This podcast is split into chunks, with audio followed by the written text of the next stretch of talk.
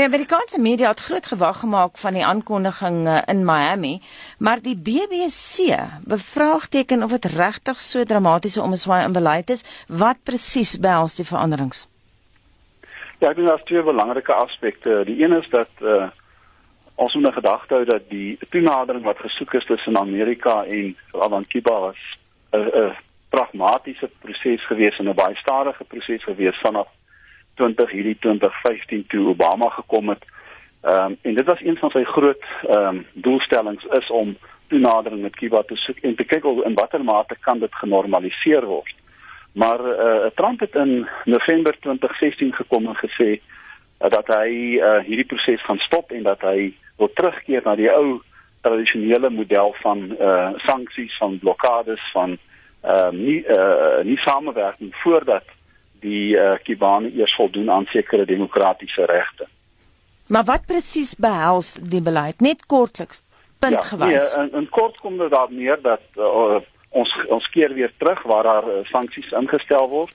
So alle landbouprodukte, ehm um, uh, tegnologiese produkte, uh, toerisme soos byvoorbeeld IT, toerisme, ehm um, eiendom wat veral deur deur die uh, hotelle besit word, dit word gestop. Ons kan daar die Amerikaners kan nie daarmee voortgaan nie. So daar word nou weer net eenvoudig gesê ons gaan terug na die voor 2015 situasie met geen kontak met Kuba nie. Dit is die implikasie vir Amerika, maar mense moet gedagte hou dat die die uh, wêreld gaan nog steeds voort en dryf handel met Kuba. Daar is nog steeds hierdie uitdrukking met met uh, Europa en veral ook met Afrika. So uh, die uh, Kubane gaan voort. Dit is 'n 'n direkte uh, beleid wat impak het op die handel tussen Amerika en Kuba. En watter invloed sal dit op die Amerikaanse ekonomie hê? Wel ek dink die Amerikaanse toerismebedryf gaan baie seer kry. Mense moet gedagte hou dat Google en Airbnb en en weet van die uh, Starwood hotelgroep wat alreeds groot belê het in in Kuba.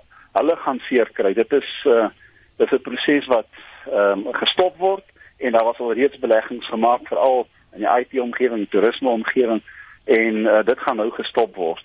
En mense natuurlik net dis die interessante is dat ehm um, in 2008 het Trump self deur sy maatskappy nog lank voor hy president gedink het om president te word, het hy self ook uh, gekyk hoe kan hy handel dryf met met met Kuba.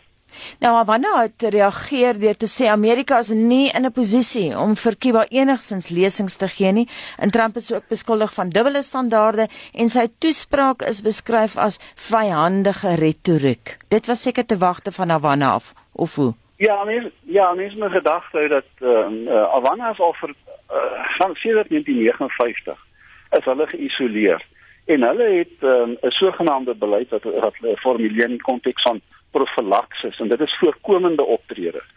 En hulle sien Amerika as die vyand en spesifiek die Amerikaanse regering. En dit is interessant in uh, ons gesprekke met die met die Kubaanse uh, amptenare is dat hulle is baie sterk anti-Amerikaanse regering. En dit is dit word beskou as die vyand en hulle veg vir hulle oorlewing. Nou 'n uh, grandma het gesê ons keer maar net eenvoudig weer terug na hierdie vyandige, dis die uh, die hisagentskap in Kuba. Ons keer maar net weer terug na die vyandige situasie. Ons is gewoond hieraan, ons het vir 50 jaar oorleef. Ons gaan eenvoudig net daarmee voort. Alhoewel hulle graag ook daarbey gevoel het hulle sal graag wil kyk na konstruktiewe onderhandeling en 'n uitreiking met die Amerikaanse gemeenskap. Deur die politieke Professor Christopher Sabatini van die Universiteit van Columbia se reaksie was en ek haal hom aan, die eintlike beleid strook nie met Trump se dramatiese retoriek nie. Stem jy saam? Ja, die, die mense met met Trump, dit is baie moeilik om Trump se buitelandse beleidsdoelstellings en en uh, beginsels te identifiseer of te bepaal want hy kom baie dit kom konflikterend voor. As mens van kyk na menseregte, sy groot uitspraak rondom menseregte in Kuba en sy probleme met die Kubane as hulle onder, onderdrukkend is, ehm um, dan ehm um, verstaan mense dit uh, in terme van mense die menseregte uh, beginsels, maar as mens weer gaan kyk na sy verhoudinge met Saudi-Arabië, dan uh, is hy daar besig om handel te dryf met die mees onderdrukkende regime in die wêreld. So uh, hy het hierdie konflikterende tipe van uitsprake. Mense natuurlik in gedagte hou dat Kuba was nog altyd beskou as 'n soort van 'n kolonie van en ek sê dit in aanhalingstekens van Amerika. Dis baie naby aan die Amerikaanse kus en daar is 'n geweldige groot Kubaanse gemeenskap veral in Florida en Kalifornië en so voort.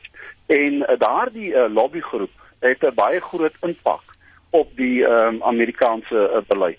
Die ons moet kyk na ander internasionale gebeure. Jy weet nou van die Londen aanval op die Fins by die Park Moskee. Een persoon is dood en Hendrik het nou gesê ek dink dit is 10 ander is beseer. Premier Theresa May sê die insident word uh, as 'n potensiële terreuraanval hanteer alhoewel niemand nog verantwoordelikheid aanvaar het nie. Enige kommentaar oor wat gebeur het? Ja, baie moeilik om op hierdie stadium te sê of dit 'n ongeluk was of dit 'n doelbewuste poging was, maar ek dink wat baie duidelik is van die moslimgemeenskap is dat uh, hulle beskou dit as 'n terreuraanval en hulle wil graag hê dat die polisie dit in daardie konteks en veral die media dit in daardie konteks moet sien. Uh wat presies nog daar gebeur het en wie agter dit dit weet ons nie. Uh maar die moslimgemeenskap voel dat hulle wil graag ewehandig uh behandel word en soos in ander gevalle waar hulle onmiddellik gereageer het teen die moslimgemeenskap waar moet dan nou teen hierdie uh groep wat verantwoordelik is hiervoor ook gereageer word. Ek dink uh, Londen se breedweg in die in die dilemma van 'n sosiale uh ooreenkoms wat hulle sal moet bereik um tussen verskillende groepe. Dis 'n kosmopolitiese gemeenskap en dit uh, blyk dat dit al meer en meer 'n verdeelde gemeenskap word.